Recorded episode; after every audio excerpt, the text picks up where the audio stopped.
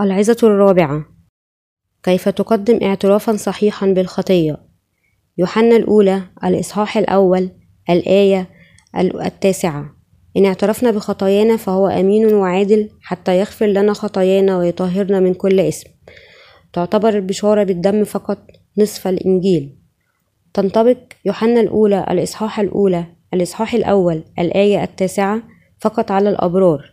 فإذا ما حاول إنسان لم ينل الراس حتى الآن أن يكفر عن خطاياه اليومية طبقا لكلمات هذا الفقرة واعترف بخطيته فإن خطاياه لن يكفر عنها. هل تفهمون ما أقوله هنا؟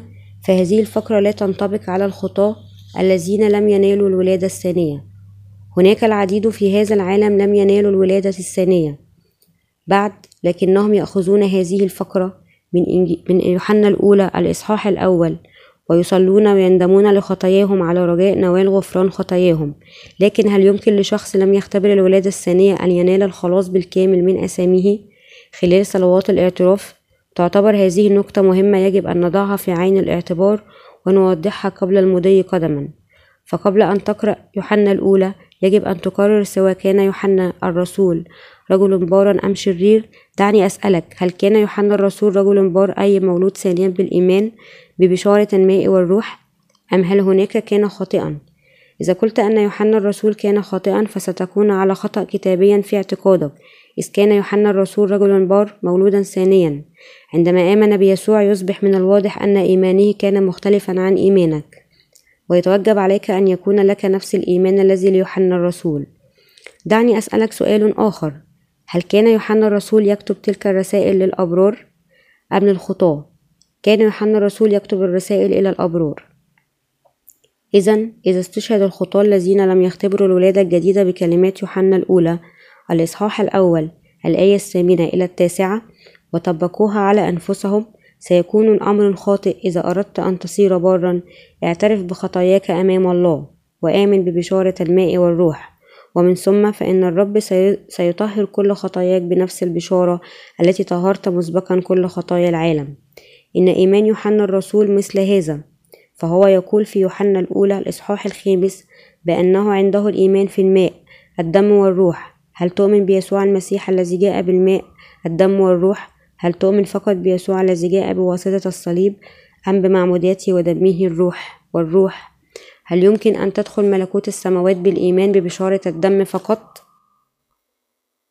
إذا كان إيمانك فقط ببشارة دم الصليب فأنت تعرف فقط نصف الإنجيل. إذا تؤمن فقط في دم الصليب فلا شك ستجد نفسك تصلي طلبا للمغفرة كل يوم. أنت تظن بأن خطاياك يمكن أن تتطهر ببساطة خلال صلاة التوبة لكن هل يمكن أن تتطهر خطاياك بينما تؤمن فقط بدم الصليب وتتوب وتصلي طلبا لمغفرة خطاياك يوميا؟ إذا كنت واحدا من هؤلاء الناس ستبقى خطاياك في قلبك لأن لا أحد يمكن أن يتطهر خطاياه بالإيمان بدم الصليب وحده أو بصلاة التوبة يوميا. إذا كنت أحد هؤلاء الناس فأنت لحد الآن لا تعرف بشارة الماء والروح وإيمانك ناقص كان يوحنا الرسول مولودا ثانيا لأنه آمن ببشارة الماء والدم والروح لكنك تؤمن فقط بدم الصليب. عندما لا يكون عندك فكرة واضحة عن البشارة كيف يمكن أن تقود الآخرين للخلاص؟ فأنت لست مولودا ثانيا لكنك تحاول أن تكفر عن آثامك خلال صلاة التوبة وهذا لن يجدي. بغض النظر عن كم يصلي الإنسان باجتهاد ويتوب فإن أساميه لا يمكن أن تتطهر من قلبه. إذا تشعر أحيانا أن أسامك طاهرة فإنه فقط خيالك وعاطفتك إذا تصلي وتتوب. ربما يمكنك أن تشعر بالانتعاش ليوم أو أكثر لكن لا يمكن أن تصبح خاليا من خطاياك بهذه الطريقة. يصلي الخطاة ويندمون يتمنون أن ينالوا الخلاص من خطاياهم. لهذا ما زالوا خطابة حتى بعد الإيمان بيسوع لوقت طويل. فهم لا يعرفون بشارة الماء والروح إذا كنت تؤمن بيسوع لكن حتى الآن لم تولد ثانيا فإن أحد هؤلاء الناس إذا كنت تحاول أن تكفر عن خطاياك بالصلاة والتوبة يوميا فإن الشهادة واضحة أنك لست مولودا ثانيا حتى الآن. يجب أن تقرر سواء أنت تؤمن ببشارة الماء والروح كما فعل يوحنا الرسول أو أنك تضع إيمانك بأفكارك الخاصة وعواطفك. أحد الأمرين هو الحقيقة الواضحة والآخر كذب البشارة الحقيقية طبقا للكتاب المقدس هي أن يسوع عمد وأخذ خطايا العالم بشكل نهائي وقبل دينونة عن الخطاة على الصليب. إذا آمن الإنسان بمعمودية يسوع وموته على الصليب سينال الخلاص حالا من كل خطاياه. من الناحية الأخرى إذا حاول الإنسان أن ينال التطهير من خطاياه بصلاة التوبة فلن يصبح خاليا من خطاياه. هل تعتقد أنه يمكنك أن تتذكر كل خطاياك اليومية؟ هل الله يعتني بالخطايا التي لم تتوب عنها؟ هل صلاة التوبة حل واضح لمشكلة الخطايا اليومية؟ لا. التوبة الحقيقية وغرض الاعتراف. التوبة في الكتاب المقدس تعني العودة من الإيمان الخطأ إلى الإيمان الصحيح وللبار تعني أن يعترف بخطاه والرجوع إلى نور الإنجيل. إذا كنت خاطئ الآن يجب أن تقدم اعترافا مثل هذا. إلهي الحبيب لقد أخطأت وأستحق أن ألقى في جهنم. لكن أشتاق أن تخلصني من خطاياي. برجاء خلصني من كل خطاياي فأنا لست مولودا ثانيا حتى الآن. وأعرف أن طريقي لجهنم هذا اعتراف صحيحي. إذا أي نوع من الاعتراف يجب أن يقدمه المولود ثانيا. إلهي الحبيب قد ارتكبت خطيئة بإتباع شهوات الجسد. ومن أن يسوع قد عمد على يد يوحنا المعمدان وخلصني من كل أسامي حتى الأسامي التي ارتكبتها الآن حيث أنه يجب أن أموت من أجل أسامي. أشكر الرب الذي خلصني بالماء والدم. إن اعترافات المولودين ثانيا والذين لم يولدوا ثانيا مختلفة. نحن يجب أن يكون لنا نفس إيمان يوحنا الرسول. إذا حاولت أن تخفي خطاياك وراء الاعتراف الذي للأبرار إذا أنت لن تنال الخلاص من الموت الذي هو أجرة الخطية. وعلى كل الخطاة غير المولودين ثانيا أن يتوقفوا عن الاختباء وراء صلاة الاعتراف ويبدأوا في الإيمان بالبشارة الحقيقية للماء والدم والروح. ويجب أن يتعلموا الإيمان الذي ليوحنا الرسول وهكذا ينالوا الخلاص. لا يدرك الخطاة فظاعة دينونة خطاياهم الأكثر الخطية الأكثر فظاعة أمام الله هي عدم الإيمان ببشارة الولادة الثانية من الماء والروح. كل أولئك الذين يؤمنوا بيسوع لكن لم يختبروا الولادة الثانية حتى الآن. يجب أن يعترفوا أمام الله. يا رب أنا إنسان خاطئ. مصير النار المحترقة لجهنم. بينما يمتنع أن يقولوا يا رب برجاء طهر أسامي. عندما يأخذ الإنسان الخاطئ في قلبه بشارة أن يسوع أنقذه خلال معموديته في الأردن ودمه على الصليب يمكنه أن يتحرر من كل خطاياه. نوع الاعتراف هذا هو الذي يجب على الإنسان الخاطئ أن يقدمه لينال الخلاص من كل خطاياه أمام الله. يجب على الإنسان الخاطئ فقط أن يعترف بأنه لن يختبر الولادة الثانية حتى الآن. ويؤمن ببشارة الماء والروح ومن ثم ينال الخلاص في الحال لأنه ببشارة الماء والروح. لقد تم خلاص كل الخطاة ليس بأحد غيره الخلاص لأن ليس اسم آخر تحت السماء قد أعطى بين الناس به ينبغي أن نخلص. أعمال الإصحاح الرابع الآية الثانية عشر. خلص الله كل الخطاة من خطاياهم بواسطة ابنه يسوع الذي قبل المعمودية من يوحنا المعمدان ومات على الصليب. طهر الرب كل الآثام التي ارتكبها البشر بلحمهم وقلوبهم منذ ولادتهم إلى موتهم ونحن يجب أن نؤمن بالبشارة الحقيقية لكي ننال الخلاص. إنه الطريق الوحيد الذي به يمكن أن نتحرر من كل أثامنا ونتقدس حقا. نحن يمكن أن تصبح أبرارا بشكل نهائي عندما نؤمن بالبشارة الحقيقية للماء والروح.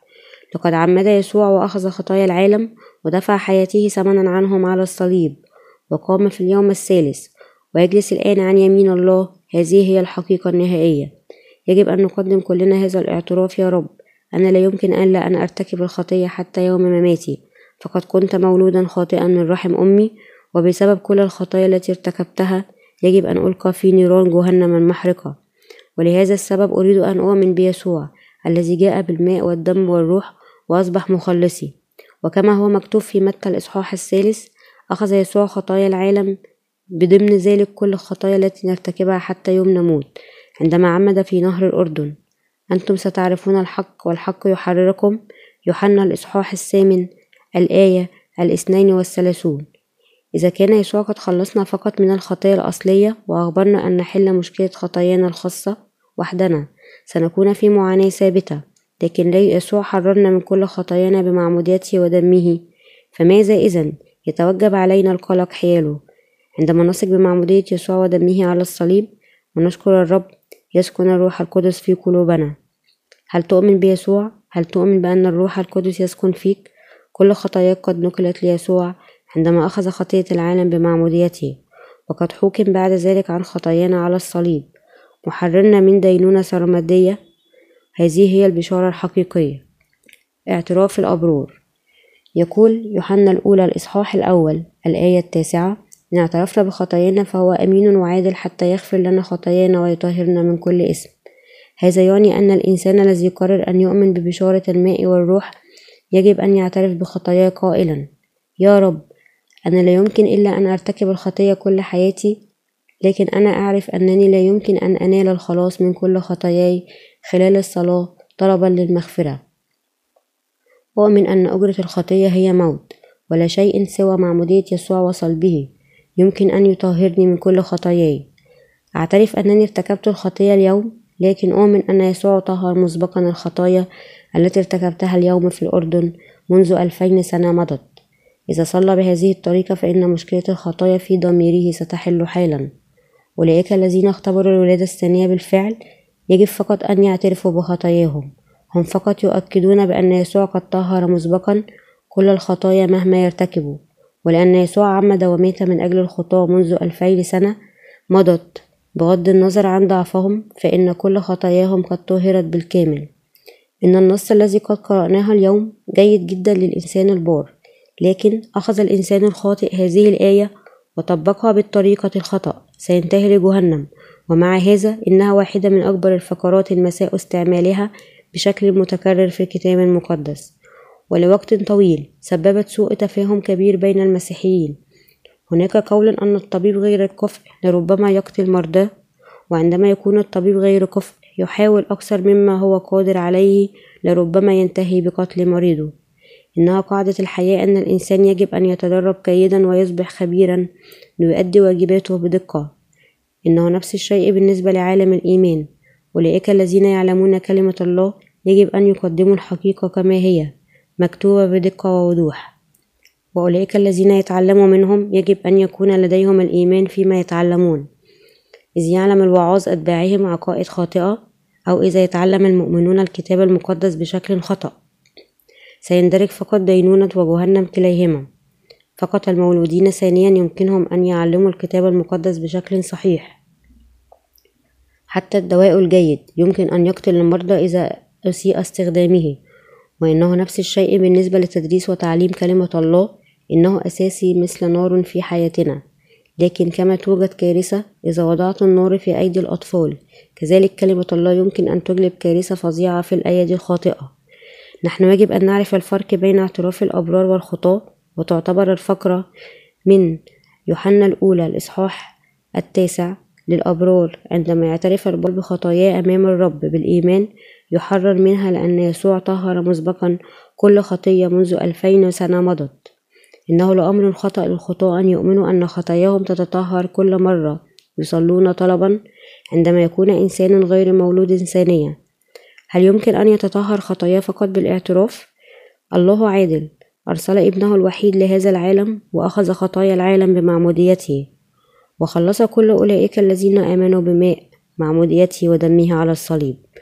ومن ثم عندما يعترف البار بخطاياه يخبره الله أن يسوع أخذ مسبقا كل خطية منذ ألفين سنة مضت.